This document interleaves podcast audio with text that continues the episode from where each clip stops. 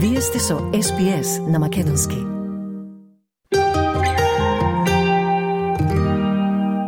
Разузнавачка операција наречена АТим.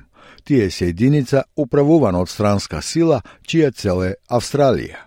Генералниот директор на Австралиската безбедносна разузнавачка организација, Марк Борджес, вели дека нивниот најголем скалп досега е поранешен австралиски политичар. Пред неколку години тимот А успешно обработуваше, регрутираше поранешен австралиски политичар. Овој политичар ја распродаде својата земја, партија, поранешни колеги, за да го унапреди интересот на странски режим. Во еден момент, вели Брджес, поранешниот политичар дури предложи да се донесе член на семејството на премиерот во шпионската орбита. Several years ago, the A team successfully cultivated and recruited a former Australian politician. This politician sold out their country, party, former colleagues to advance the interests of a foreign regime.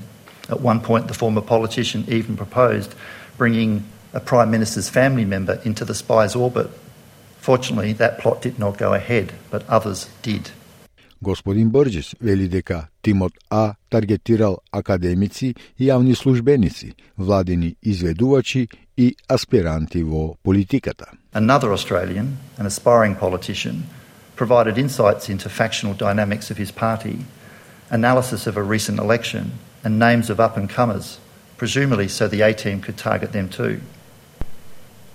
ASIO disrupted this scheme and confronted the Australians involved – and while some were unwitting, others knew they were working for a foreign intelligence service. Асио не го идентификуваше политичарот кој ја, цитирам, продаде неговата земја, затворен цитат, изјави поранешниот либерален министер Џо Хоки за ABC и вели дека сторителот треба да биде именуван, бидејќи според него апсолутно е незамисливо да имате поранешен политичар кој ја представува нивната заедница, кој ја представува земјата, кој потоа оди и се занимава со странски противник и некако ќе им биде дозволено да заминат на заидисонце без да го имаат нивното име. It is absolutely inconceivable that you would have a former politician representing their community, representing the country, who then goes and engages with a foreign adversary, and somehow they're allowed to walk off into the sunset without having their name or their reputation revealed. And that is absurd. Опозицијскиот лидер Питер Датон изјави за 2GB дека сите поранешни политичари се во прашање додека името не биде објавено во јавноста.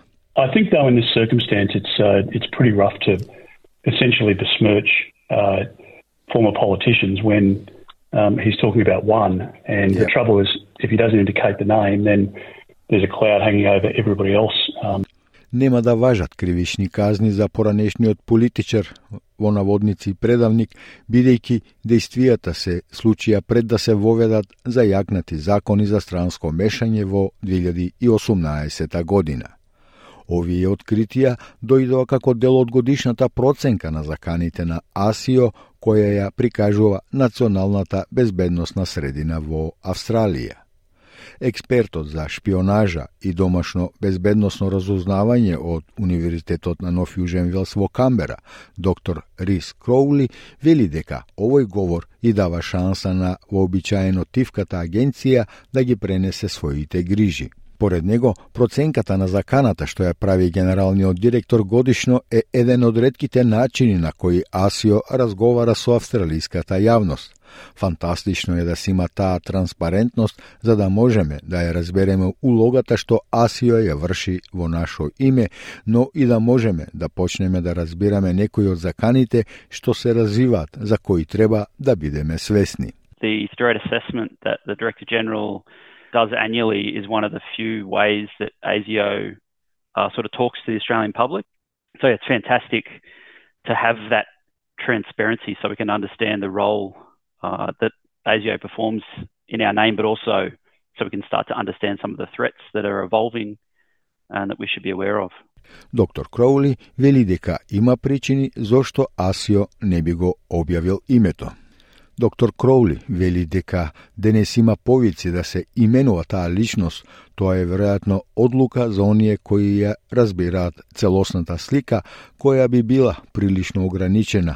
I'm sure there's a very good reason. I don't know what it is. I'm sure the Director General, when using words like sold out, he wouldn't have used those lightly, um, nor would he have come to the decision to declassify uh, that story lightly.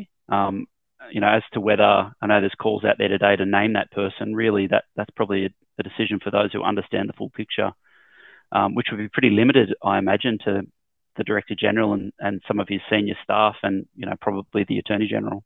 Шефот на АСИО, Мајк Бурджес, вели дека луѓето со пристап до чувствителни информации треба да бидат повнимателни кога станува збор за заканите за националната безбедност. Тој меѓу другото вели дека австралијците треба да знаат дека заканата е реална, заканата е сега, а заканата е подлабока и поширока отколку што може да мислите. На само една професионална веб страница за вмрежување има 14.000 австралијци кои јавно се фалат дека имаат безбедносен сертификат или работат во разознувачката заедница. Australians need to know the threat is real, the threat is now, and the threat is deeper and broader than you might think. On just one professional networking site, there are 14,000 Australians publicly boasting about having security clearance or working in the intelligence community.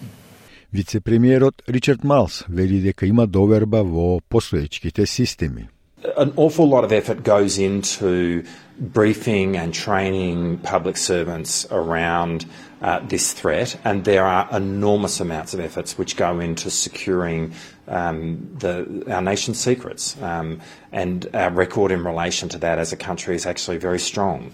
Uh, so I, I, have a sense of confidence about the security of the system which is around us. But part of maintaining that security is to have um, an ever watchful eye on what the threat is. That's why we do this public national assessment from ASIO, and it's why it's really important that this scenario has been put into the public domain. Министерот за внатрешни работи во Сенка, Джеймс Петерсон, вели дека безбедносните сертификати не треба да бидат на социјалните мрежи. Тој вели дека јасно е дека има луѓе кои се уште се однесуваат наивно.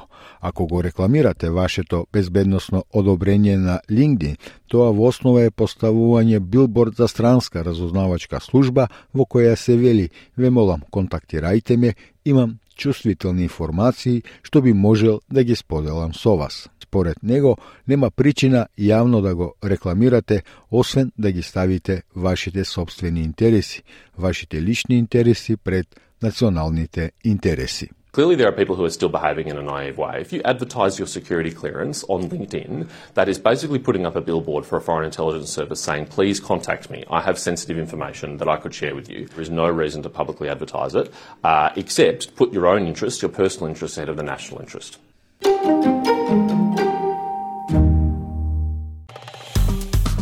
Stisnite mi se dopaja, SPS na makedonski na Facebook.